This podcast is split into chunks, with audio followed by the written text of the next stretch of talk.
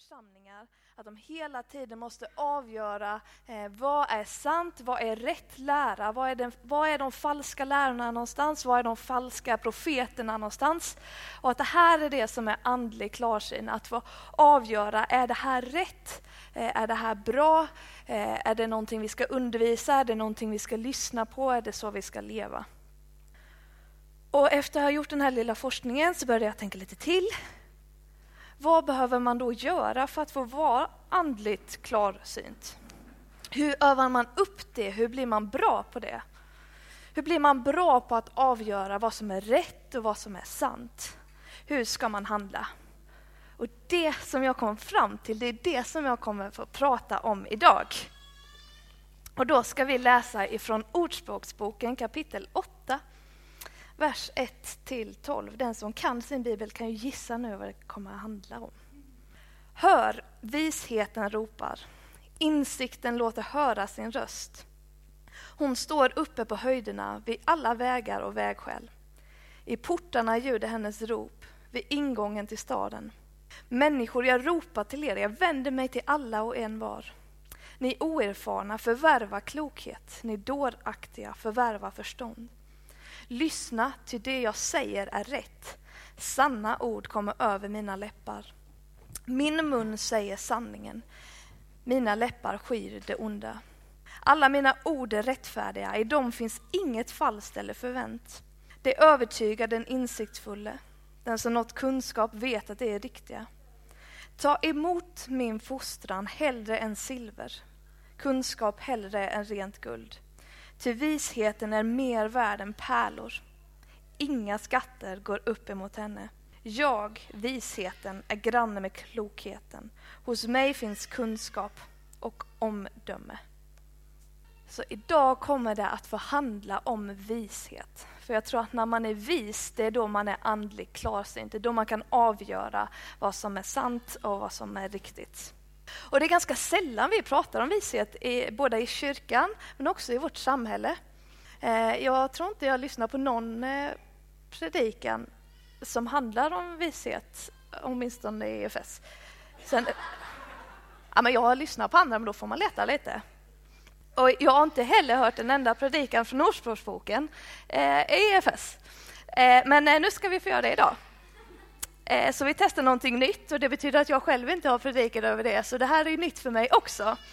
Eh, så vi ska få djupdyka in i Ordspråksboken idag och vi ska få lära oss om vad vishet är idag. Eh, ofta så har vi ganska eh, kanske inte så, jag ska inte säga inte lärande, men vi har väldigt praktiska predikningar i vår församling. Men idag så kommer det få bli en lärande predikan där vi ska få lära oss någonting nytt och vi ska förhoppningsvis få ny insikt. Och jag skulle inte klassa mig som en eh, särskilt eh, poetisk person. Jag tycker Ordspråksboken kanske är den jobbigaste boken att läsa i Bibeln. Eh, förutom Hagavisan, kanske lite värre. Och jobb och hela, hela den gruppen. Det är lite jobbigt. Så om det är någon som också känner oh no, ska jag behöva lyssna på en predikan från Ordspråksboken, så känner jag mer. Men om det är någon här som älskar poesi, så congratulations, det här är er dag. I vårt pluralistiska samhälle så har moralen, eller etiken, vad som är gott, har blivit ett väldigt viktigt ämne med väldigt många olika typer av viljor. Och vi pratar väldigt mycket i Sverige just nu liksom om vad som är rätt etik. Vi pratar om abort och, eh, och i USA pratar man om vapenkontroller och vi pratar om immigration immigrationsfrågor och vi diskuterar fram och tillbaka. Vem är det som har rätt? Hur ska vi resonera? Vad är etiskt rätt att göra i en situation och vad är det som är fel? Vi pratar också väldigt mycket om vad som är eh, rätt kunskap, om vad som är eh, vetenskap och vi förlitar oss väldigt mycket på vetenskapen. Vad, vad är eh, rätt? Vad är rätt kunskap? Vad är rätt vetenskap? Hur är reglerna för universum uppbyggda? Men i den tiden Bibeln utspelar sig på så var det väldigt mycket mer konsensus kring de här frågorna. Alltså man tyckte väldigt mycket mer likt i vad är etiskt rätt, vad är moraliskt rätt. Och jag tror att de insåg något som vi är mycket, mycket, mycket sämre på. Och det är att den moraliska delen och den här vetenskapskunskapsdelen av livet hur viktig den är, är så räcker den inte till för majoriteten av besluten som vi ska ta i våra liv. Utan du behöver vishet i ditt liv för att inte leva som en dåre. För oavsett vad du har för regler, vad du har för principer, vad du väljer att ha för etik, så kommer inte det alltid hjälpa dig att ta rätt beslut. Om du skulle välja att vara god eh, mot en familj, säg att det är en familj och de har väldigt lite pengar, och du tänker det är etiskt rätt av mig att hjälpa den här familjen, så kan du ändå ta helt fel eh, eh beslut gällande hur du hjälper den här familjen även om det är etiskt rätt att du gör det och till slut så har du förstört hela den här familjens liv för att du inte har tagit ditt beslut med vishet. För det moraliska lagverket kommer, du följer kommer inte tala om alltid vad som är rätt i vissa situationer. Även om jag sitter till och med och läser min bibel så kommer det inte stå så här Charlotta, du ska jobba med det här jobbet. Charlotta, hon ska bo i den här staden. Charlotta, hon ska gifta sig med den här. Eller Charlotta, hon ska inte gifta sig. Alltså det, de här, eh, det här står ju inte någonstans. Jag kan inte lära mig till jag kan inte få kunskap om vilka beslut jag ska fatta. Jag kan inte välja en etisk ställning i hur, i hur jag ska leva mitt liv eller vad jag ska plugga till eller vad jag ska bli. Och det här är ju majoriteten av de beslut vi tar i vårt liv. Utan allt detta, det kräver just vishet. För att avgöra vad som är rätt och riktigt, vad som är sant och gott att göra i situationerna i ditt liv. I texten vi läste här så stod det att visheten den är mer värd än guld inga skatter går upp emot den. Alltså Bibeln talar om att vishet är något av det bästa som du kan ha. Och det är det här som Ordspråksboken 8 talar till oss idag. Det är mer värt än allt annat jag kan få. Mer värt än makt, mer värt än pengar. Det spelar ingen roll hur mycket kunskap jag har, vilken eh, moraliskt och rätt person jag är. Det kommer inte hjälpa dig att ta bra beslut. Men i vårt samhälle idag, och jag tror många av oss idag, vi tänker lite tvärtom. Kunskap och vetenskap, det ger svaren på alla frågor. Och jag tror att för många av oss som ibland har en liten klump i magen över saker i livet, så har vi det för att vi har en brist på vishet i vårt liv. Vi vet inte hur vi ska ta ett rätt beslut. Vi hungrar efter vishet i vår, i vår församling, i vår stad, i vårt land. Men vi vet knappt ens om att det är det vi hungrar efter. Och vi vet inte heller om hur ska vi få den här visheten då. Men utan visheten, säger Bibeln, så kommer man så kvar som en dåre. Och en dåre vill väl ingen vara. Så vad är då definitionen av vishet? Vad är det för någonting jag ska söka? Och då säger texten här som vi läste att för det första, eh, vishet är insikt. Man vet hur saker verkligen är. Man vet hur saker verkligen ligger till. På riktigt. För det andra så säger eh, texten att visheten den är liksom välbetänkt. Den vet hur liksom saker hänger ihop. Har ni läst Sherlock Holmes eller sett någon film? Ja, några har gjort det. Ni vet när Sherlock, när han går in i ett rum så kan ju han titta där, ja ah, men den stolen står så där och det hänger där och dörren är lite öppen där. Och Sherlock han ser hur sakerna hänger ihop och så förstår han, aha, det är så här det har gått till. Det var så här det var, för den skulle ju vara där och den ska egentligen inte stå så och då måste det varit så här. Och det är att vara vis, att få vara välbetänkt. Man förstår hur eh, hänger saker ihop. Man ser de små ledtrådarna. Och för det tredje så säger texten, det är att man gör de rätta sakerna. Alltså, man gör någonting åt det som är rätt. Det fanns en man som hette Gerhard, jag är dålig på tyska, von Rad. Han var från Tyskland då. Han är ganska stor exeget, han, är, han har forskat mycket på det här med vishet. Och han säger så här, det här är hans definition av vishet.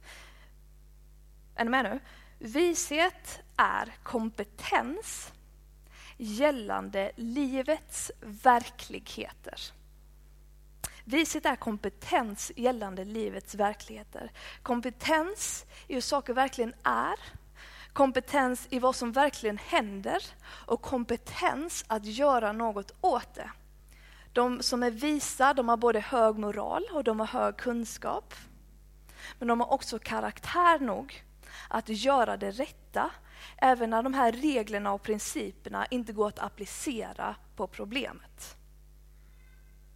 Hänger ni med? Och då kanske du sitter inne och tänker, äh, nej det här har jag inte alls jobbat på. Jag bara jobbar på att vara god och det är så jobbigt. Men det är faktiskt så att Bibeln lägger väldigt, väldigt stor vikt på att vara just vis. Och det är någonting som vi jobbar väldigt lite på i kyrkan idag. Bibeln talar upprepande gånger om att vikten av att få vara vis. Det finns en hel genre i Bibeln som heter vishetslitteratur som bara talar om vishet och den gör det om och om, om, om igen. Det är en av de absolut största ämnena i, i Bibeln men är kanske en av de ämnena som vi pratar minst om. Och jag tänkte ge er ett exempel på vishet i Bibeln och vikten av att få leva vis och inte bli en dåre. Och det är från David. Ni vet kung David. Han hade ju eh, en son, eller han hade många söner, men han hade en son som hette Absalom. Och Absalom, han, eh, han, han, han var inte så trevlig. Utan han gjorde uppror mot sin far kungen och så ville han ju då ta över tronen. Eh, och han ville ju döda David, så han gör en liten kupp. Så David han flyr ut eh, i öknen med några av sina närmsta män. Eh, och Absalom blir då kungen i Israel.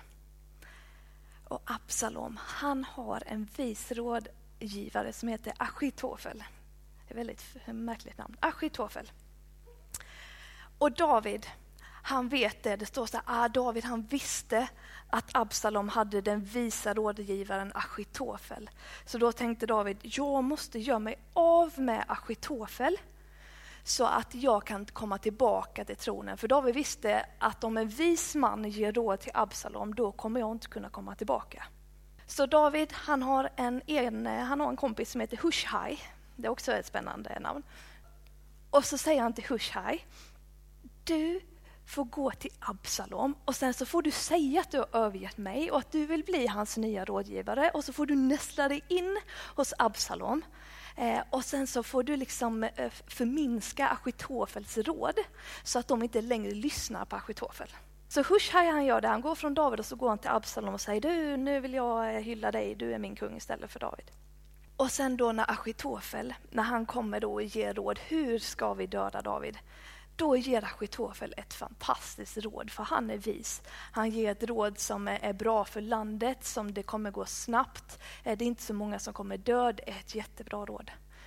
Men Hushai, han kommer då ge ett annat råd och säger nej, nej, nej, vi måste, gå, vi måste gå mitt på dagen, vi ska ta med oss alla våra soldater, vi ska meja ner dem och vi ska visa vilka det är eh, som verkligen liksom är de starka. Och Absalom tycker det här låter jättebra, ja men jag vill ju visa att jag är stark och stor. Så Absalom väljer att följa Hushais råd och struntar i Achitofels eh, råd av vishet. Och vad händer då när man inte går vishetens väg utan dårskapets väg? Jo, det kraschar. Och vi vet ju sen att det är ju David som kommer tillbaka på tronen igen. David han handlade vist, han förledde Absalom. Absalom blev så eh, inne i att han ville vara stor och mäktig så han lyssnade inte på den visa. Och det som är intressant att det står i texten är att när Achitofel fick reda på att Absalom hade förkastat hans råd, då visste Achitofel att nu kommer det bara gå ut för nu kommer det krascha. Så då gick Achitofel direkt hem och hängde sig. Det är ju väldigt eh, hemskt att han gjorde det. Men det var för att Achitofel han visste att när man inte följer vishet, då kommer det bara finnas en utgång. Då kommer det bara totalt att krascha. Han visste det. Så han visste att nu, nu är det kört. Nu, kan, nu är det inte värt att leva längre kan låta väldigt barbariskt, men det säger oss någonting om vad visheten är och vad Bibeln säger att visheten är. Att när vi inte följer den så kommer våra liv att krascha. Då kommer vi leva i dårskap. Om vi fortsätter läsa från Ordspråksboken eh, 8, vers 22 till 30, så står det så här. Herren skapade mig som den första som begynnelsen av sitt verk för länge sedan. I urtiden formades jag, i begynnelsen innan jorden fanns. Innan djupen blev till föddes jag, när det ännu inte fanns källor med vatten, innan bergen fått sin grund. Innan höjderna fanns, då föddes jag. När han ännu inte gjort land och fält, eller mullen som täcker jorden. När han spände upp himlen var jag där. När han välvde dess kupa över djupet, när han fyllde molnen där uppe med kraft och lät djupet källor bryta fram. När han satte en gräns för havet och vattnet stannade där han befallt och han la jordens grundvalar. Då var jag som ett barn hos honom. Jag var hans glädje dag efter dag och lekte ständigt inför honom. I den här texten så är det ju visheten som talar. I tidernas begynnelse så var visheten tillsammans med Gud. Och visheten får vara med när Gud skapar hela världen. Får, lägga, får vara med och lägga alla grundvalar, får leka inför Herren och Herren han får skapa med glädje. Och den här skapelseberättelsen, att den är, det är helt unikt. Jag vet inte hur, hur bra koll ni har på skapelseberättelser och mytologier. Är ni duktiga på det? Nej, lite grann. Det här är en stor hobby jag har. Jag tycker det är fruktansvärt roligt. Och då är det så här, i hela världens skapelseberättelser, det finns ju liksom tusentals skapelseberättelser, så finns det ingen som den i Bibeln. I alla österländska skapelseberättelser så är världen till av en olyckshändelse. Det gick liksom, oj hoppsan, här kom världen, oj det var inte meningen. Och så strävar man hela tiden att komma ur skapelsen, för skapelsen är ett misstag. Om man är buddhist så vill man komma till nirvana som är att man bara slutar existera. Man åker ut ur skapelsen och det är liksom hela målet. Det var liksom inte tänkt att man skulle vara här, utan det bara blev. Och I västerländska skapelseberättelser så är det alltid någon typ av maktkamp som världen skapas med. Det är eh, eh, ja, men titaner slåss med varandra och gudar de slåss med en stor jätte och sen blir jätten, han blir kroppen och så rinner vattnet som snor ur näsan. Och så här. Eller så är det liksom kaos som bara yr omkring. Det, den nordiska skapelseberättelsen är så. Och den enda skapelseberättelsen som är annorlunda är den om Herren. När Herren skapar tillsammans med visheten han skapar med vishet världen och han skapar tillsammans med visheten av glädje världen. Hela världen är till utav visheten och visheten genomsyrar hela skapelsen och det här är någonting helt unikt. Det är ingen olyckshändelse, det är ingen maktkamp utan det är någonting som Gud med glädje har gjort av vishet. De visa, det är liksom en eh, på engelska heter det sages, alltså en, en grupp av visa. Som de levde i Israel kanske mm, ja, några hundra år innan Jesus kom. Och de sa så här angående vishet. Att eftersom världen är skapad med vishet så är det också med i formen och strukturen på hur världen fungerar. Alltså det finns som ett vishetsmönster i vår värld som är inbyggt i själva konstruktionen av vår jord. Precis som det finns andra mönster inbyggda i vår, i vår jord, i den här världen. Och då börjar jag tänka på, ja men till exempel, nu vet inte jag om man säger det, jag bara läste, ehm, aerodynamik. Alltså den dynamiken som gör att eh, flygplan flyger. Då behöver man ju en särskild kraft för att eh, flygplanet då ska kunna lyfta och vara i luften. Och om man då följer det här mönstret och den här dynamiken, då kommer ju objektet att flyga. Eller hur? Det är så flygplan är. Men om ett objekt inte lyder den här, det här mönstret, vad händer då med objektet när det kommer upp i luften? Ja, men det kommer ju åka ner, det kraschar. Det är så världen fungerar. Eller likadant eh, med relationer. Gud har skapat världen utifrån att han är i relation med sig själv. Och om jag då lever i det här relationsmönstret så kommer det bli bra. Men om jag olyder mönstret så kommer min relation att krascha. Och på samma sätt är det med visheten. Och därför menar de att om man inte lever efter vishetsmönstret som Gud har lagt i världen så kommer du leva i dårskap. Och då kommer ditt liv, precis som Achitofels och precis som Absaloms liv, det kommer att krascha. Om du lever efter mönstret, efter vishetsmönstret som Gud har lagt, då kommer du få leva i harmoni med skapelsen som Gud har tänkt. Och det finns två saker du måste tänka på i det här mönstret. Och det första är att det finns ett mönster. Det finns en tanke över hur världen fungerar. Tro inte att världen bara är oj, nu händer det och så händer det, oj, pluff, pluff, pluff. Utan det finns ett mönster, ett system som Gud har tänkt ut. Det andra man måste förstå med det här mönstret är att du kan inte förstå helt hur mönstret fungerar. Alltså du måste förstå att det finns ett, men du måste också förstå att vi kan inte alltid förstå hur det fungerar. När jag läste Ordspråksboken, det är ju ganska mycket bra ordspråk sen och det är lite svårt att läsa tycker jag.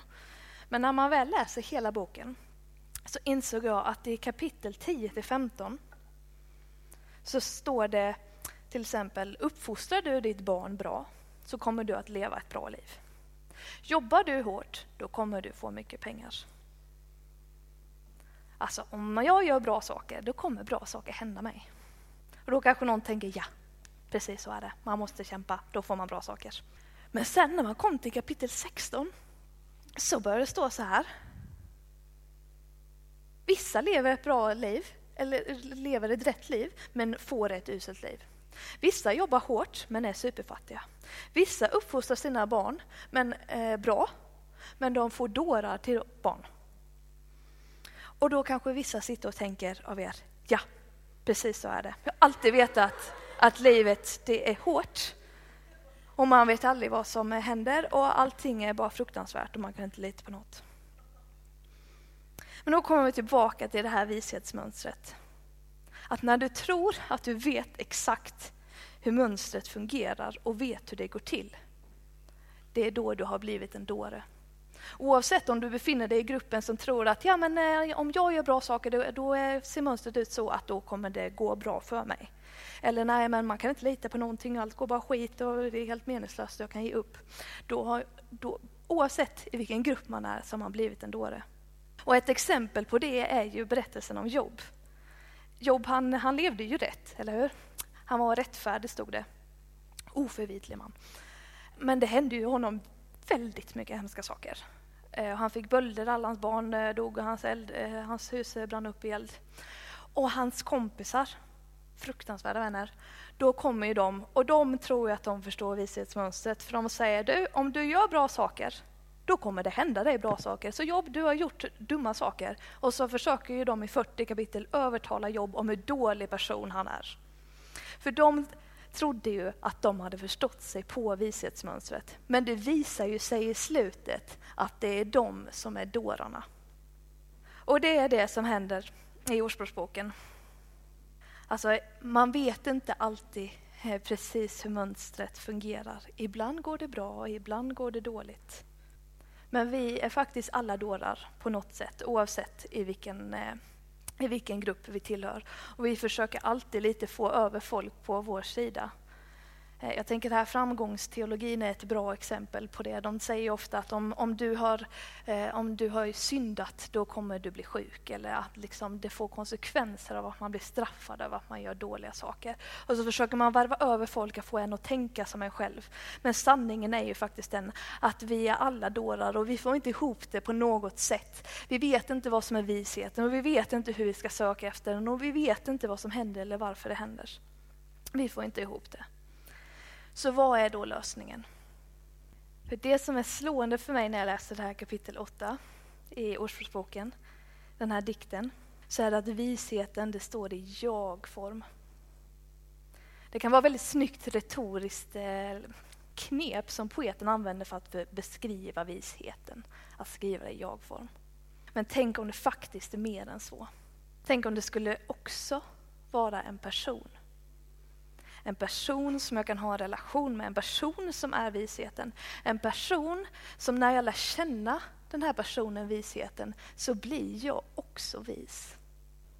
En person som visar på vad sann vishet är, som jag kan rådfråga om besluten jag ska ta i mitt liv och som är underbar i råd.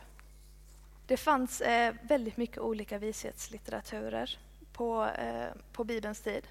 Och massvis med det som, som inte bara står i Bibeln. Och en av dem det heter Jesus Syraks vishet. Alltså inte Jesus Kristus utan Jesus Syrak. Och så här skriver han om visheten. Och det här är ganska typiskt för vishetslitteratur.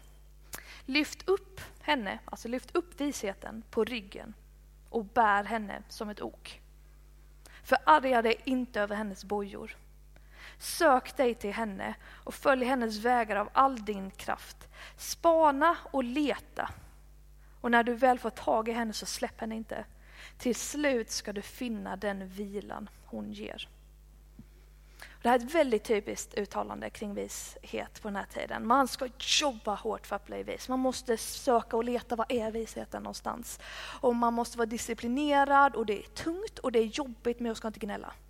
Och tänk då att cirka 400 år senare från att det här skrivs så kommer en vis man som sa så här istället. Kom till mig. Kom till mig alla ni som är tyngda av bördor och jag ska ge er vila. Ta på er mitt ok. Det är lätt. Ta på er min börda, för det är lätt att bära. Alltså hör ni likheten mellan de här två? Man ska ta på sig oket för att till slut få finna vila. Men skillnaden är också helt gigantisk. För det Jesus säger är ju kom till mig, ta på i mitt ok. Ta på i min börda, för det är lätt, det är inte jobbigt. Du behöver inte vara disciplinerad, du ska få vila hos mig. För Jesus han säger att det är jag som är visheten. Och du blir vis genom att du kommer till mig. Genom att du lär känna mig, genom att du lär dig från vad jag gör. Och det här, det här är inte bara poesi som Jesus uttrycker, utan det här är faktiskt också verkligheten i Johannes 1, som är det här är Johannes skapelseberättelse i Johannes evangeliet. Då han hämtat skapelseberättelsen från den här Ordspråksboken kapitel 8.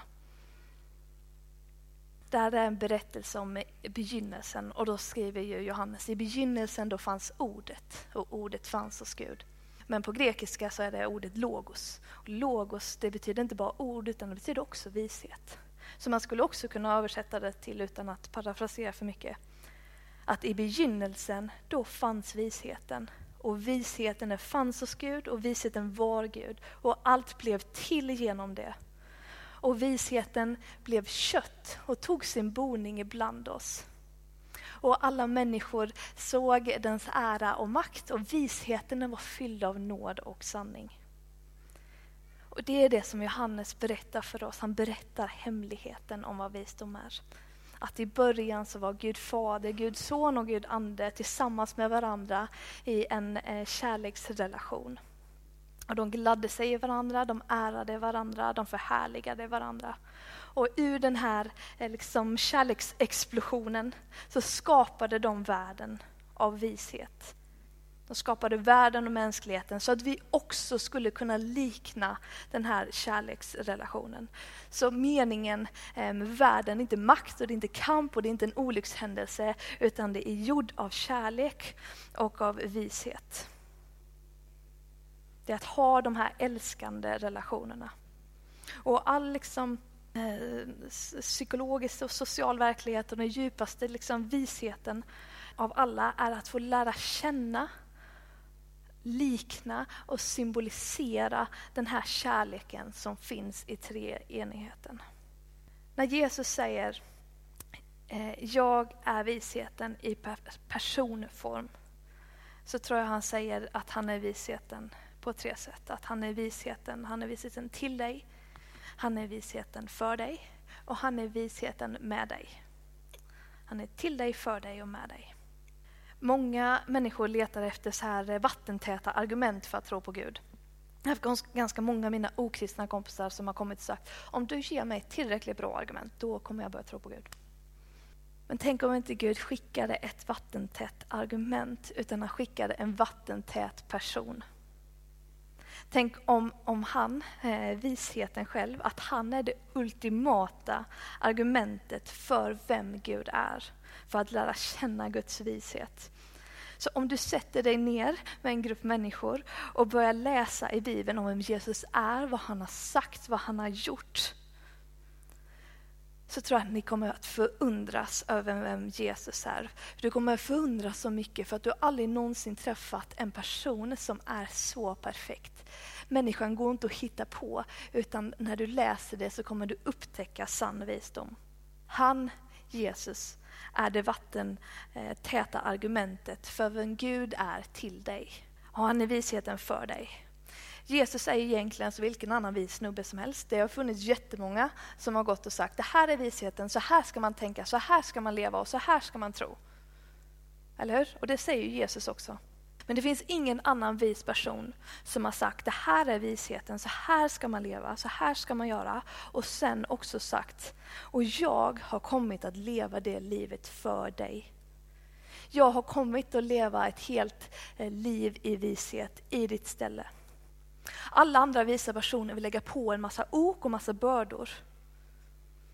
Men Jesu börda den är lätt. För det finns ingen annan som istället för dig levde visheten och levde det liv som vi borde levt och dog den död som vi borde ha dött. Jesus han är för visheten för dig. Och han är också visheten med dig. När människorna såg Jesus lida på korset, vad tror ni att de tänkte då? Att det var en total dårskap. Paulus skriver det i första Korintierbrevet att korset är en dårskap. Det verkar så idiotiskt av Gud att korsfästa sin egen son. Men vi vet ju att sen kommer uppståndelsen och då får vi se Guds vishet. Då får vi se visheten uppenbaras. Och så är det även i våra liv, att när vi inte kan se visheten i saker som händer i våra liv, i beslut som har fattats, så kan vi ändå få lita på att Gud är visheten eh, och att det finns vishet bakom när vi inte alltid förstår själva hur det skulle kunna vara någonting annat än dårskap. Jesus säger, vill du vila? Korset, evangeliet, Jesus Kristus är den enda visheten som kan få ge dig vila för din själ. Jesus han är visheten, han är visheten till dig och han är visheten för dig och med dig. Och det är då när vi tar emot Herrens vishet i våra liv, när vi får lära oss vem Jesus är eh, och får lära oss av honom. Det är då som vi på riktigt kan få bli andligt klarsynta. Det är då vi kan få avgöra vad är rätt och vad är riktigt när vi får titta på Jesus och följa Jesu exempel. Det är då vi på riktigt får leva eh, liv i vishet. Vi kan avsluta med att be. Ja, tack Herre att du är eh, ja, alltigenom god och härlig och vis. Och tack Herre att vi har fått ta del av din vishet, att du har sänt honom till oss. Att han får uppenbara vem du är och får uppenbara sanningen om dig och sanningen om oss och sanningen om vår värld, Herre. Och vi ber Herre om hjälp att få vara visa, att få vara visa i våra beslut, eh, att få lägga ner oss själva och våra viljor ibland och titta på dig, Herre.